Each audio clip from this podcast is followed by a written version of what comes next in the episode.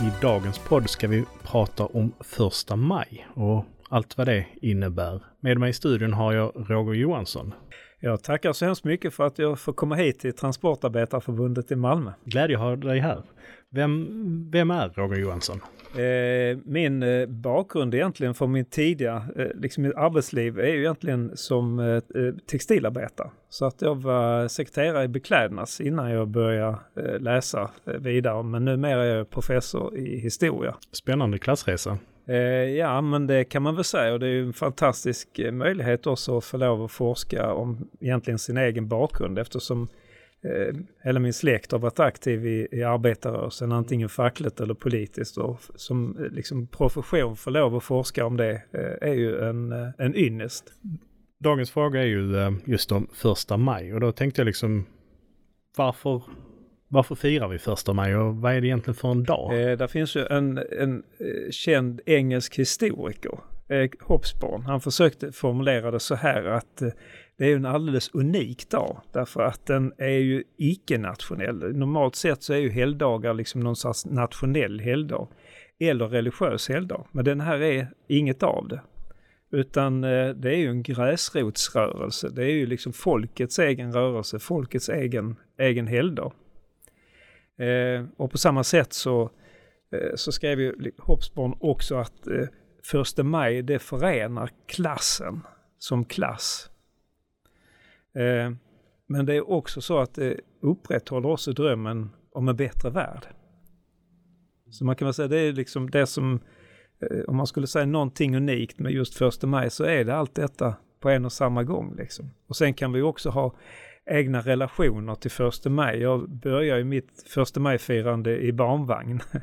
så att jag har liksom följt de här eh, första maj-demonstrationerna väl. Så det är också någon sorts liksom, existentiell upplevelse som jag tror många kan ha av att delta just i första maj. Man känner att man är en del av något som har varit men också något som kommer. Alltså att man betyder något också i tiden. Liksom. Ja, för mig så har det varit helt tvärtom. Jag gick ju inte mitt första, majtåg, första första majståg förrän i vuxen ålder. Så jag hade ju inte alls det med mig eh, i barn, från barndomen. Så för mig var det en jäkla aha-upplevelse när man väl gick i tåget ja. och känna liksom den här gemenskapen. Så jag kan verkligen förstå vad du menar där. Ja, min morfar han var ju ordförande i, på, på, i Beklädnads på Malmö Strumfabrik i många år. Och då var det, säga, det var en eh, Eh, Eh, att, att få lov att liksom bära fackföreningsfanan i första maj-tåget var eh, inget som man utsåg någonting liksom sådär enkelt själv utan man fick liksom bli röstad på årsmötet. Vem ska få bära fanan och så.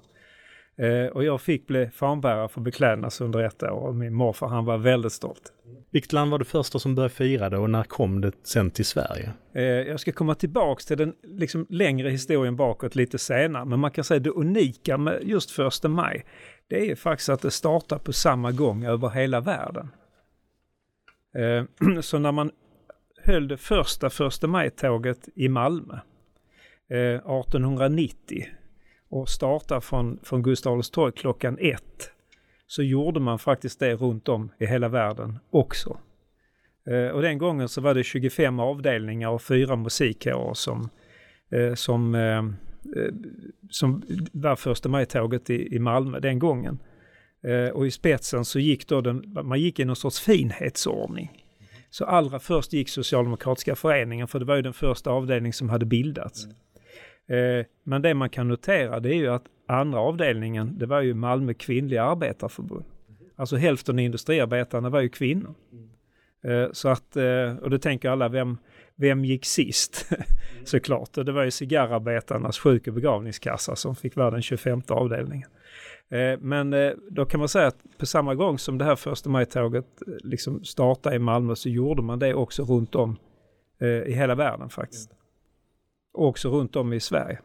Hur kom man fram till just att det skulle vara första, första maj som blev det här liksom? Att, eh, varför kunde det inte vara 23 juni eller någonting sånt där? Vad är det just första maj som gör det så speciellt?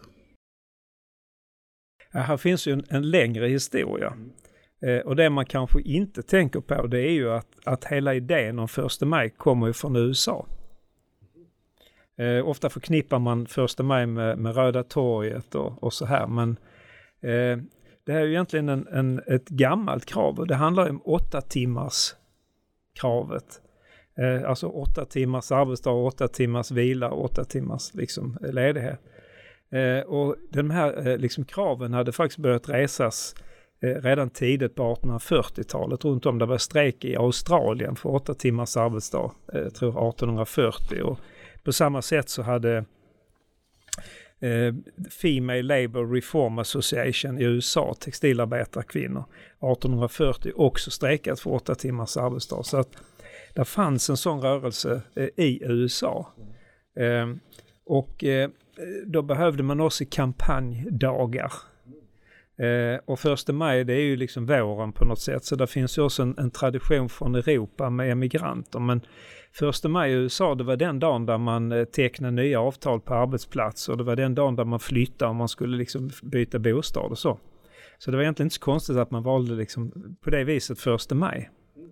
Eh, och då blev det en kampanjdag helt enkelt som man, som man drev eh, runt om i USA just för det här kravet. Första maj är ingenting jag förknippar med USA utan det närmsta man tänker liksom är någon sån som arbetar att göra det är väl Labour Day men det är ju något helt annat, det är väl på hösten som Labour Day Ja men det är faktiskt alltså kongressen i USA som tog beslut eh, 1884 om att göra liksom första maj till en kampanjdag eh, tog också beslut om Labour Day på samma kongress. För man tyckte man behövde nog två kampanjdagar för det här. Eh, och då tyckte man liksom att eh, Eh, där, där man har lagt eh, Labour Day då, det är liksom man behövde någonting mellan Thanksgiving och, och eh, liksom 4 juli och då passar det bra liksom. Så att ibland har man ställt de här dagarna i motsats till varandra, men det är det inte, utan det är två kampanjdagar beslutade på samma gräs, kongress just för eh, kampanjen för, för åtta timmars arbetsdag. Ja, intressant, för där, där hade jag liksom min, min egen uppfattning var just att Labour Day var någon alltså deras första maj, men då förstår jag liksom att, att intressant att det var liksom utöver, liksom det var samma sak fast vid två tillfällen på året. Men eh, du sa den första 1890 i Sverige. Eh, började sen man köra det varje år efteråt eller liksom tog det, tag, eh, tog det tid innan man började liksom börja med de här demonstrationerna årsvis eller? Eh, man säger de, de här för, alltså kampanjerna i USA, de växte ju och blev väldigt stora. Alltså så första maj-firandet i USA fram till kalla kriget eh, var ju väldigt omfattande. Alltså eh, man var en halv miljon deltagare i New York till exempel och en halv miljon stod och tittade på liksom. Alltså så att eh, det är stora manifestationer ända fram till kalla kriget när det förbjuds. Eh, och på samma sätt är det ju med, med förspelet i USA om de här liksom kampanjdagarna. Eh, så att eh, den, den rörelsen finns i USA. Och sen så har man en, eh, en stor internationell arbetarkongress den 14 juli 1889. Det är ju 100-årsdagen av franska revolutionen så det är väldigt symboliskt. Eh, och det är det som är, eh, eller blir sen andra internationalen kan man säga. Eh, och det är där man tar beslutet. Och eh, då bestämmer man eh, helt enkelt, eh, det är en amerikansk delegat som kommer dit, Hugh McGregor, som föreslår att ska vi inte ha en kampanj över hela världen för åtta timmars arbetsdag? För annars kommer arbetsgivarna i det ena landet och säger, men i ert land jobbar de 16 och så vidare. Så, mm. så att det här måste man driva liksom gemensamt. Ehm, och han berättar också då att, att första maj är en sån här kampanjdag i USA. Eh, och då tyckte alla att liksom i princip att ja, men det är väl en bra idé, det gör vi. Mm. Så man bestämde då att man skulle ha eh, liksom art, eller första maj 1890 över hela världen som en kampanjdag just för åtta timmars arbetsdag. Mm. Men det där blev en sån succé. Mm. Så att man bestämde att eh, året efter att men vi gör det igen. Mm. och sen liksom blev det samma succé och då bestämde man att vi gör det igen. Och sen blev det en tradition.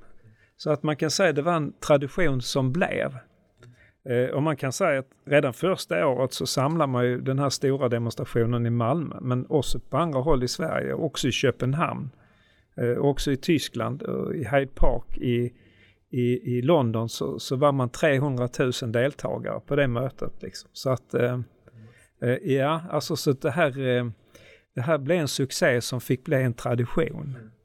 Eh, och man kan liksom, eh, jag måste bara flika in, det är ju en speciell sak med den här, eh, eh, med den här konferens, eller kongressen i, i Paris som man nog ska notera därför att man, eh, man vill ju gärna beskriva Sverige som det här fredliga och snälla landet liksom. Där även borgerligheten var väldigt vänlig mot arbetarrörelsen. Eh, men det var så här att det svenska socialdemokratiska partiet kunde faktiskt inte skicka någon delegat. Eh, man hade fyra tidningar eh, som kom ut, alltså, eh, men samtliga redaktörer satt i fängelse. Axel Danielsson satt i fängelse, Palm satt i fängelse, Branting stod inför rätta. Så man fick representeras av en skräddare som hade blivit kvar i Paris, en Pariskommun. Så att det blev väldiga ovationer när han steg upp och berättade att det är faktiskt så att ingen kan delta från Sverige, alla sitter i fängelse. Vi hade ju inte de här rättigheterna överhuvudtaget för liksom 130 år sedan, 140 år sedan. Med att bara liksom samlas i grupp ute Nej. på ett torg. Så eh, nej, vi har kommit lång väg sedan dess. Men just med man demonstrerar just med åtta timmars arbetsdag, men eh, när kom, eh, börjar man, det här med rösträtten, börjar man ta den, hur långt senare börjar man lyfta med allmän, allmän och lika rösträtt eller Alltså själva den frågan. Ja, nej, man kan säga åtta timmars dagen, det var ju det krav som, som samlar mm eh, i allra första led. Och det är ju inte så konstigt därför att om man arbetar kanske 12, 16, 18 timmar om dygnet så var det ju omöjligt att samla folk och organisera folk eller liksom bilda folk. Eh, bortsett från att, att det var ju liksom väldigt människofientligt. Såklart. Eh, så därför var liksom just åtta timmars kravet viktigt och det var ju också ett politiskt krav så där kunde man också samlas kring politiska krav. Liksom. Eh, Eh, nästa krav som eh, ställdes som en gemensam, eh, ett gemensamt krav i de här demonstrationerna över liksom, ja, världen kan man säga, det var just arbetarskydd. Därför att förhållandena var alldeles förfärliga i fabrikerna. Så det var väldigt många som både blev skadade men också liksom dog i fabriker. Eh, och man ser ju nu inför fotbolls-VM, Qatar liksom, hur det har gått med, med gästarbetare där liksom. Alltså, och, och det där liksom eh, speglar rätt väl hur det ser ut också vid den här tiden. Ja, vi människor var rena förbrukningsvaror. Ja, i, varken mer eller mindre. Och man har ju också sett i engelsk Eh, textilindustri så vissa av de här momenten, där var ju överlevnadstiden liksom månader egentligen innan man drabbades av olika lungsjukdomar och så. Förutom då barnarbete. Eh, och sen kommer liksom det tredje kravet, det är rösträttskravet. Alltså att man ska få ett politiskt inflytande. Eh, och sen förs också kravet på fred in. Eh, och man kan säga de här liksom fyra kraven om en rimlig arbetstid, arbetarskydd, eh, delta, alltså rätt att delta i liksom det politiska och sociala livet och kravet på fred, det har ju levt kvar genom alla år egentligen och det är ju fortfarande lika aktuellt. Från 1890 fram till, när fick vi igenom det här åtta timmars, eh, från första demonstrationen då till att vi verkligen fick igenom det i Sverige? Ja det går ju i olika liksom etapper egentligen. Alltså man har ju 48 timmars veckan först, mm. man jobbar ju även på lördagen och så och sen så, så sänks det efterhand liksom. Eh, och eh, första maj blir ju då, om vi ska hålla oss till den, det blir ju då en nationell helgdag. Också 1939 så småningom i Sverige. Så att eh, någonstans så, så, så sår det här frön som, som växer såklart. Eh, och detta har ju varit ett sätt att gå ut på gatorna och manifestera det. 39 blev det en röd dag i Sverige. Men hur, är vi unika just med att ha det som en röd dag eller hur ser det ut i andra länder som också firar första maj? För det är väl fortfarande en del länder som firar första maj i, oh, ja. idag. Eh, jag ska säga, jag vet inte precis hur det ser ut idag, men det var en forskare som eh, 1990 gick in och tittade liksom. Mm. Eh, och då var det en, en hel dag i 107 länder. Mm. Men det är ju en hel del som kan ha ändrats sedan 1990. Så att, men, men hans poäng är ju då liksom att det här är ju faktiskt den största helgdag som firas över hela världen. Alla andra har liksom någon koppling till någonting annat och därmed så blir de också begränsade. Men det här, eh, det är faktiskt den dagen som var helgdag i flest länder då. Så egentligen även idag så borde vi fira det betydligt större än vad man firar julafton och sånt där. Ja. Eh, det tycker jag, ja.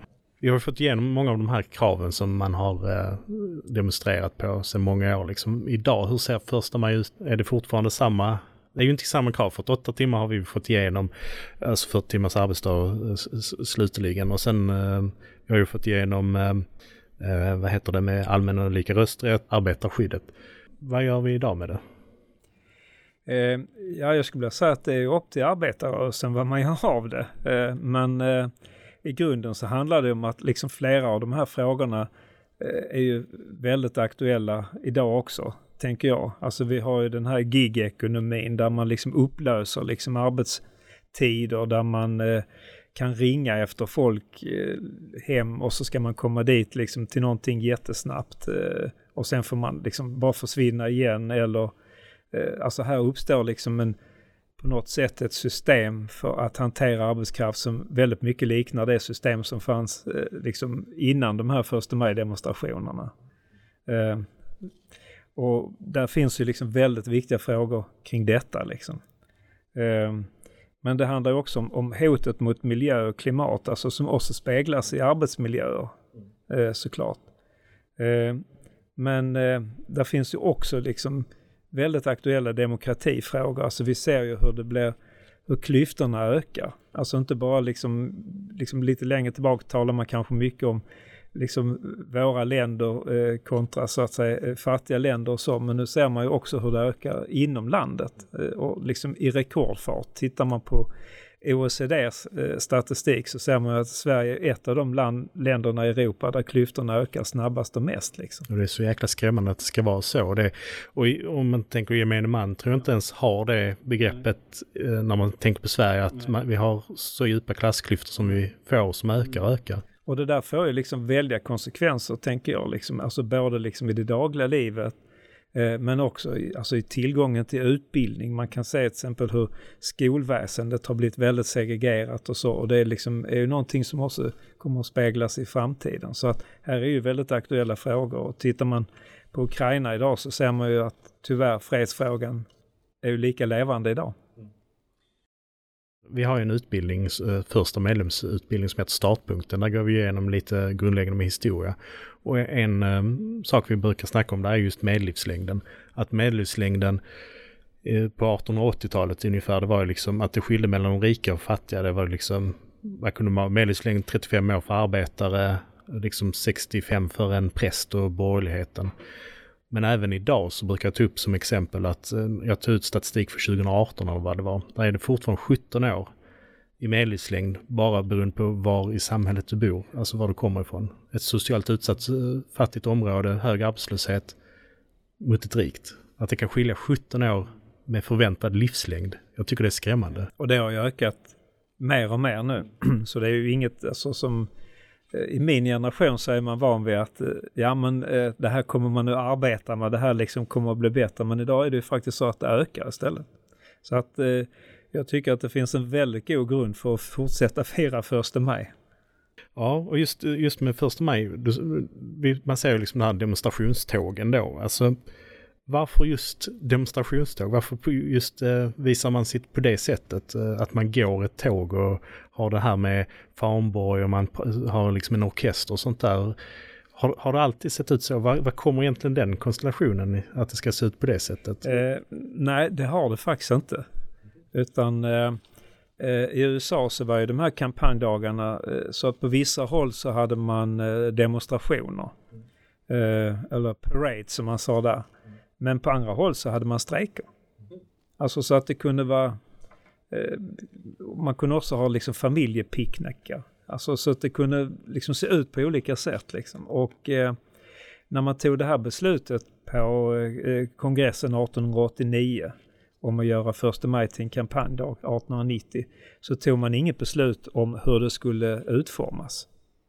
Utan eh, i vissa länder så, som, som då här eh, i Sverige och också i Danmark så blev det demonstrationer. Eh, I Tyskland så hade man ju Bismarck och Bismarckslagarna så att där var det lite mer problematiskt. Så där gjorde man det till eh, folkfester. Eh, och i, eh, då i London när man liksom samlade de här 300 000 människorna i Hyde Park så bestämde man att man skulle ha det första söndagen i maj. Så det här blev den fjärde maj då i London. Eh, just för att då var folk lediga. Så man eh, liksom behövde inte ta ledigt. Eller strejka eller så. Så att eh, det där utformades på väldigt olika sätt. Och också kan man säga så här att det blev också en liten politisk strid om de här utformningarna. Därför att vid den här tiden så var den anarkistiska rörelsen, eller delen inom arbetarrörelsen, ganska stark. Eh, och man ville ha mycket mer militanta demonstrationer, alltså ordning och reda och liksom... Raka led. Ja, så här. Eh, medan på många håll så, så blev det mer, alltså man, man samlar kvinnor och barn i de här demonstrationerna och så. Och det är säkert det som är framgångsfaktorn för första maj-demonstrationen. Att det liksom samla hela familjen. Det blev inte bara liksom någon, någon manligt, manligt äventyr på första maj utan det var liksom någonting som hela familjen kunde delta i. Va? En genuin folkfest. Ja, och, och, och det är väl liksom den traditionen som vi känner igen när vi tänker på, på första maj idag.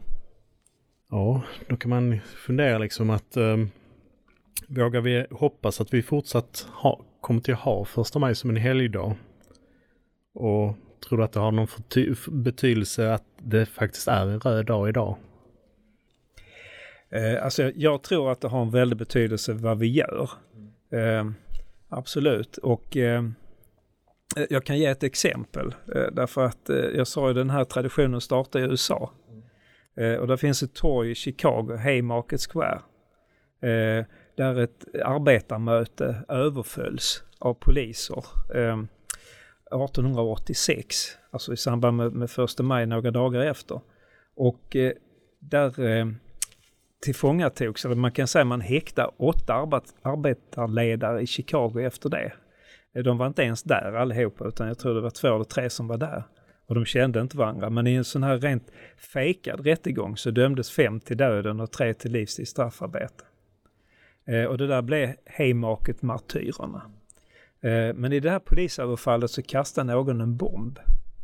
Men ingen idag vet än. Alltså arbetarrörelsen menar att det var en polisprovokatör. Det gjorde Palm också som var där eh, lite senare på sin amerikanska resa. Mm. Jag skriver om det medan eh, då polisen menar att det var en anarkist. Så att man reste ett monument över en polis som, som omkom då. Mattias Stegen. Och det där blev liksom en återkommande samling för Chicago-polisen och borgerligheten och så. Eh, och en nagel i ögat för arbetarrörelsen såklart. Så att eh, jag tror 1968 så målade någon den svart. Och eh, man restaurerade den igen. Teamsters hade då eh, också eh, manifestationer på första maj där. Man hyrde bland annat en hövagn för 100 dollar och körde dit och så. Men 69 så sprängde man den i luften med dynamit det här polismonumentet. Och det restaurerades, satte dit året efter, men inte bättre än att man sprängde det i luften igen med dynamit. Så idag står det inne på Atriumgården på Chicago Police Training Academy. Där jag har fotograferat det själv. Med poliseskort så jag inte skulle liksom ha någon bomb med mig. Men eh, då var ju platsen tom. Eh, så arbetarrörelsen började agitera för att man skulle resa ett monument över de här arbetarledarna i Chicago. Eh, och där står ett fantastiskt monument idag. Med en hövagn och där är åtta personer. Man kan inte se om det är män eller kvinnor eller etnicitet och så. Men det är rest just för rätten att organisera sig, rätten att tala fritt, rätten att leva ett drägligt, drägligt liv. Och eh, det här restes, det, eh, man säga, det restes 2003. Och det där blev också startpunkten för återkomsten till första maj-firandet i Chicago. Så det är inte bara att det står där. Och 2006 så gick faktiskt 400 000 människor förbi det här monumentet på första maj i Chicago eh, för de illegala invandrarnas rättigheter. Så att det betyder någonting vad man gör. Ja, blir, man blir varm i hjärtat och ser att det faktiskt eh, kan återkomma. Ja, och idag så har fackföreningar runt om hela världen skickat dit delegationer och satt sin plakett på den här socken. Så för några år sedan var svenska LO där och satte sin plakett där. Så att eh, det där betyder något. Det får man inte missa om man ska till USA någon gång. Nej, men det betyder också att eh, andra har ju försökt ta över den här dagen eller förbjuda den. Så att i USA försökte man ju på olika sätt eh, göra om den här dagen så att man tog en, en, lag 1928 att nu är det inte första maj längre utan Child Health Day och så men det hindrar inte folk från att demonstrera och sen blev det lojal till det och sen förbjöd man det helt enkelt. Eh, I Tyskland tog ju Hitler över första maj-firandet och gjorde om det eh, eftersom det var en stor tradition. Eh, och så har man också gjort på andra håll eh, i världen. Eh, och går man till Sverige så kan man ju liksom kanske komma ihåg hur det gick till när vi fick en nationaldag. Då behövde man ju ta bort en annan helgdag. Och vilken dag var det man tyckte man skulle ta bort då? I alla fall från borgerligheten liksom. Eh, så att här har ju också funnits sådana försök och också så här att andra har ju också varit ute på gatorna, kristdemokraterna, men också nazister till exempel. Så att man kan ju inte säga att man äger första maj, utan man måste hela tiden från arbetarrörelsen äga första maj genom att vara ute på gatorna. Annars så kommer andra att ta över den dagen. Mm. Jag tänker med detta så kan vi ju uppmana att eh, när det blir första maj så sitt inte hemma och titta på tv eller eh, hitta på någonting i trädgården utan ut och demonstrera för att vi vet inte hur länge vi kan ha kvar den och är vi inte ute och demonstrerar så kanske den försvinner. Ja, och då säger jag ha en god första maj. Tack så mycket. Tack.